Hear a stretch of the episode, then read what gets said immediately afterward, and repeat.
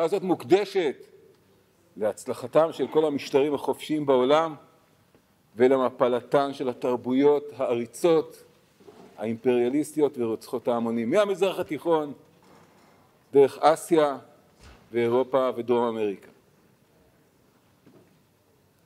מרכז אמריקה. אז שאול שאלה לי תלמיד אה, שיעור ב' כיצד קונים התעוררות פנימית של חשק ואהבה בעבודת השם יתברך.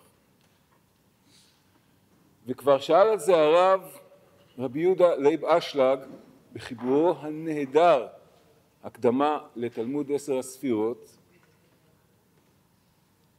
הרי אהבת השם היא מצווה מתרי"ג מצוות וכיצד אפשר לצוות על אהבה? כך שואל הרב אשלג וכי יכול אדם לעורר בתוכו אהבה כרצונו? הרי לכאורה אין הדבר תלוי כלל בבחירתו של האדם וכיצד מצווה הקדוש ברוך הוא דבר שאין האדם יכול לקיימו. והשיב הרב אשלג מה שהשיב ומומלץ מאוד ללמוד את החיבור הנ"ל. אני ממליץ עליו בכל פה, הוא כתוב בשפה פשוטה ומלא בחוכמה ובמוסר כרימון, חיבור נפלא. הקדמה ליצירה קבלית שנקראת תלמוד עשר הספירות. ואנחנו נשתדל להשיב בדרכנו שלנו לשאלת התלמיד משיעור ב'. אז תחילה יש לנו לערוך נכון את השאלה עצמה. מה אתה מחפש?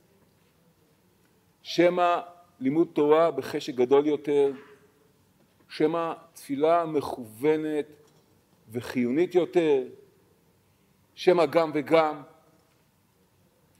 ואולי אתה מבקש לחוות את דברי הנביא, נפתחו השמיים וירא מראות אלוקים, וגם אם אתה מבין שנבואה אינה קיימת בזמננו, על כל פנים אולי אתה מייחל לאיזו חוויה מיסטית מלאת השראה. אתה צריך בעצמך להגדיר קודם כל מה אתה מחפש. הנה התלמוד הבבלי במסכת מגילה בדף ז מביא סיפור מעורר קנאה, סיפור שכולנו קראנו אותו עשרות פעמים אם לא יותר. אמר רבא מחייב איניש ליבסומי בפוריה עד ידע בן ארור אמר לברוך מרדכי. רבא ורב זירא עבדו סעודת פורים בעדי הדדי איבסום התבשמו קם רבא שחטי לרב זירא למחר בארח מי ואחיה התפלל והחזיר אותו אה, אה, לחיים, הקים אותו לתחייה. לשנה אמר, ני תמר ונבי סעודת פורים בעדי הדדי, הזמינו אותו עוד פעם לסעוד איתו סעודת פורים.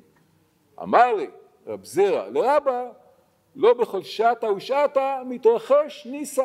סירב אה, לסעוד איתו סעודת פורים, הוא פחד שהוא ישחט אותו פעם נוספת. אומר רבי מלובביץ', שאם רבא היה באמת שוחט את רב זרע, תגובתו של רב זרע לא הייתה מסתכמת באמירה מתונה כמו לא בכל שעה אתה התרחש ניסה. כנראה שקרה שם משהו אחר. מן הסתם, אם רבא היה שוחט את רב זרע, אומר הרבי מלובביץ', התגובה של רב זרע הייתה הרבה יותר חריפה כאשר רבא היה מזמין אותו פעם נוספת. אלא אחא במאי עסקינן, אומר הרבי, רבא נקרא כפי שנקרא, כלומר גדול, רבא, משום שאלו כלים שכליים ונפשיים גדולים. רב זרע נקרא כפי שנקרא, כלומר זעירה, קטן, משום שכליו השכליים והנפשיים היו קטנים יותר, ודאי שהם היו עצומים בהשוואה אלינו, אלא שכנראה יחסית לגדולי דורו היו לו כלים יותר קטנים.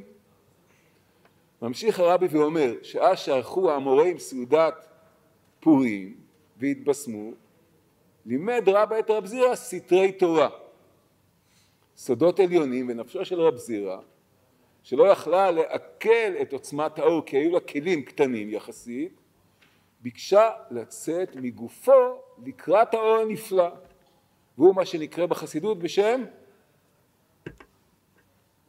כלות הנפש, נכון? כך קוראים לזה בחסידות, על פי תהילים קי"ט, קלטה לתשועתך נפשי, לדברך ייחלתי. ורב זרע פשוט מת כי הנפש שלו נעקרה מן הגוף לקראת האור. וזה ודאי סיפור מעורר קנאה, משום שאתה למד שרב זרע מתגורר כל העת בחצרות בית השם. בחצר, לתוך הבית הוא טרם נכנס, הוא עוד לא מוכשר לכך, אבל די לו להיות שתוי מעט ולשמוע סתרי תורה כדי שהנפש שלו תתמוגג עד מוות מרוב עושר שממיס אותה. זה סיפור מעורר קנאה, היינו רוצים להיות במקום הזה. אז למי שלא יודע, טרם הגעתי למדרגת רב זירא, ואין לי מושג במצבי תודעה של כלות הנפש. אני יכול לדבר רק על הניסיון שלי ומהניסיון שלי בלבד.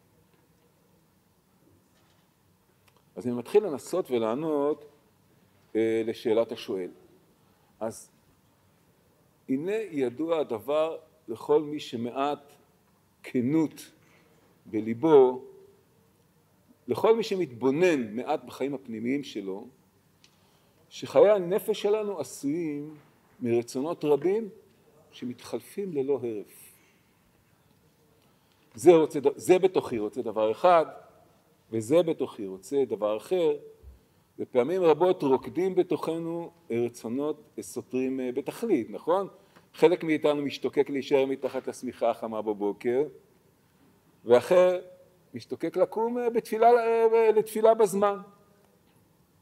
חלק מאיתנו רוצה לנוח בהפסקת צהריים, ואחר רוצה ללמוד דף יומי באותו הזמן. וכן הלאה, אבל אני חושב שהדבר ידוע לכל אחד מאיתנו. לעיתים קרובות נדמה לנו שהשהות שלנו בישיבה ואפילו עצם לימוד התורה צריך לחולל את ההתאהבות הגדולה בשם יתברך. בתורה ובעבודה. דאקה בדרך כלל לא כך פני הדברים, זה לא מספיק. זה לא עובד. זה לא עובד כי אהבה צריכה לימוד. היא לא מתרחשת מעליה. את הרצון הנכון צריך לחזק כל הזמן, לחזק אה, ללא הרף. לחזק אותו עד כדי כך ששאר הרצונות, גם אם הם לא נחלשים, גם אם הם ממשיכים להיות עוצמתיים ומפתים, וזה מה שקורה לרובנו, הם מתחילים לראות תפילים ביחס לרצון העיקרי. אני חושב שזה הסיפור הגדול. שאם לא כן, אנחנו מתפזרים לכל עבר, והרצון להתמסר להשם יתברך נותר חלש. פעם אנחנו כאן, פעם שם, וחוזר חלילה, ואנחנו לא מתקדמים לשום מקום, ואנחנו נותרים קרחים מכאן ומכאן. נפש לא ממוקדת, נפש שלא שקועה, בלשון הרב ראם, לא מסוגלת לשנות את תכונות הרצון הפנימי שלו. סוד ההצלחה הוא סוד ההריגה. כאייל תהרוג על אפיקי מים, כן נפשי תהרוג אליך אלוהים, צמאה נפשי לאלוהים לאל חי, מתי אבוא ואראה פני אלוהים. צמאה נפשי לאלוקים לקל חי, צמא הוא הרגשת חסר. כדי להשיג התמקדות צריך להשתוקק, וכדי להשתוקק צריך לחוות חסר. דא כשאתה ממלא את הנפש בסיפוקים קטנים, גלישה אהין, גלישה ההר, ואני לא מדבר על מראות אסורות ושאר מבואות המטונפים שמציעים את עצמם לכל דורש, שגוזלים מהאדם כוחות חיוניים כבירים ומעוותים את עולם הרצונות והתשוקות שלו.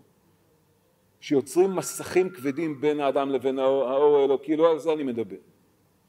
אני מדבר רק על גירויים קטנים שמפזרים את הנפש, ממלאים אותה בסיפוקים קטנים, מרגיעים אותה,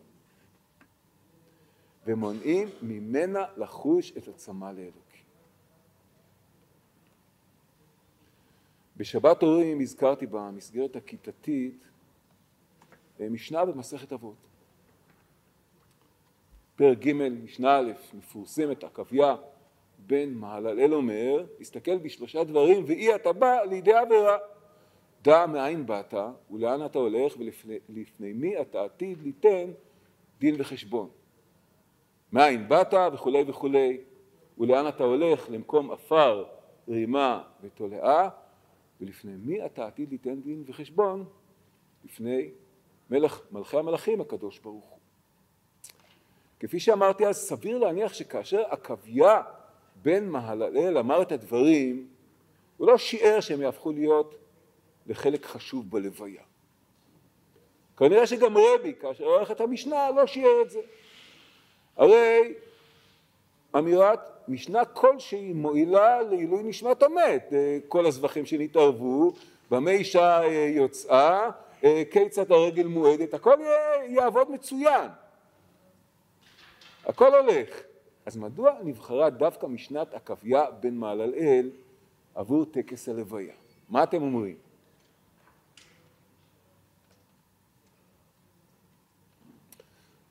התשובה שלי היא, משום שאז אנחנו נתונים במצב רגשי יוצא דופן, שבו אנחנו מסוגלים לקלוט גם ברגש את עומק המשמעות של דברי המשנה.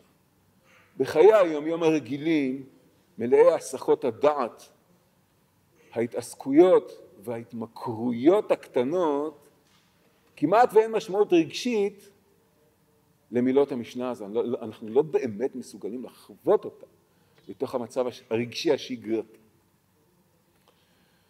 את המצב הרגשי המיוחד הזה ניתן במידה מסוימת ליצור בתוכנו על ידי הימנעות מסיפוקים קטנים. הסיפוקים הקטנים מרגיעים ומרדימים אותנו. זה מין סמים קטנים כאלה שאנחנו נוטלים כל הזמן. והסמים האלה יוצרים בתוכנו איזה שט רוגע, שאותו בדיוק אנחנו צריכים ללמוד אה, אה, להפסיק. ליצור את המצב הזה על ידי הימנעות מהסיפוקים הקטנים. זה סוג של מתח פנימי שהרב ראם מדבר עליו המון, שנוצר כאשר אתה כופה על עצמך צמא רגשי אה, מסוים. ואז אתה עשוי במידה כזו או אחרת להתעורר אל המצב הרגשי שבו אתה נתון בשעת לוויה, אלא שיש הבדל מאוד גדול. אה, משום שבלוויה המקור למצב הרגשי הוא חיצוני. זה קורה לך, זה מגיע מבחוץ. וכאן המקור הוא פנימי. וזאת בחירה שלך ומאבק שלך. צריך ללמוד, ליצור בעצמך את המתח הזה. נווה לסבל כשלעצמו אין שום משמעות. אה, חבר'ה משיעור ד' שפוגשים אותי בצהריים, לסבל, לשם סבל אין ערך. העניין הוא ללמוד ליצור את המתח הפנימי הזה, משום שרק אז נוצרת, נוצרת התשוקה שמאפשרת את ההתמקדות ומחזקת את הרצון הפנימי. אחרת אנחנו כל הזמן בתוך מין שגרת טיק טוק כזאת, בתוך מין מצב אה, של התמכרויות אה, והתעסקויות יומיומיות, ולא לא, לא באמת מסוגלים להתעורר.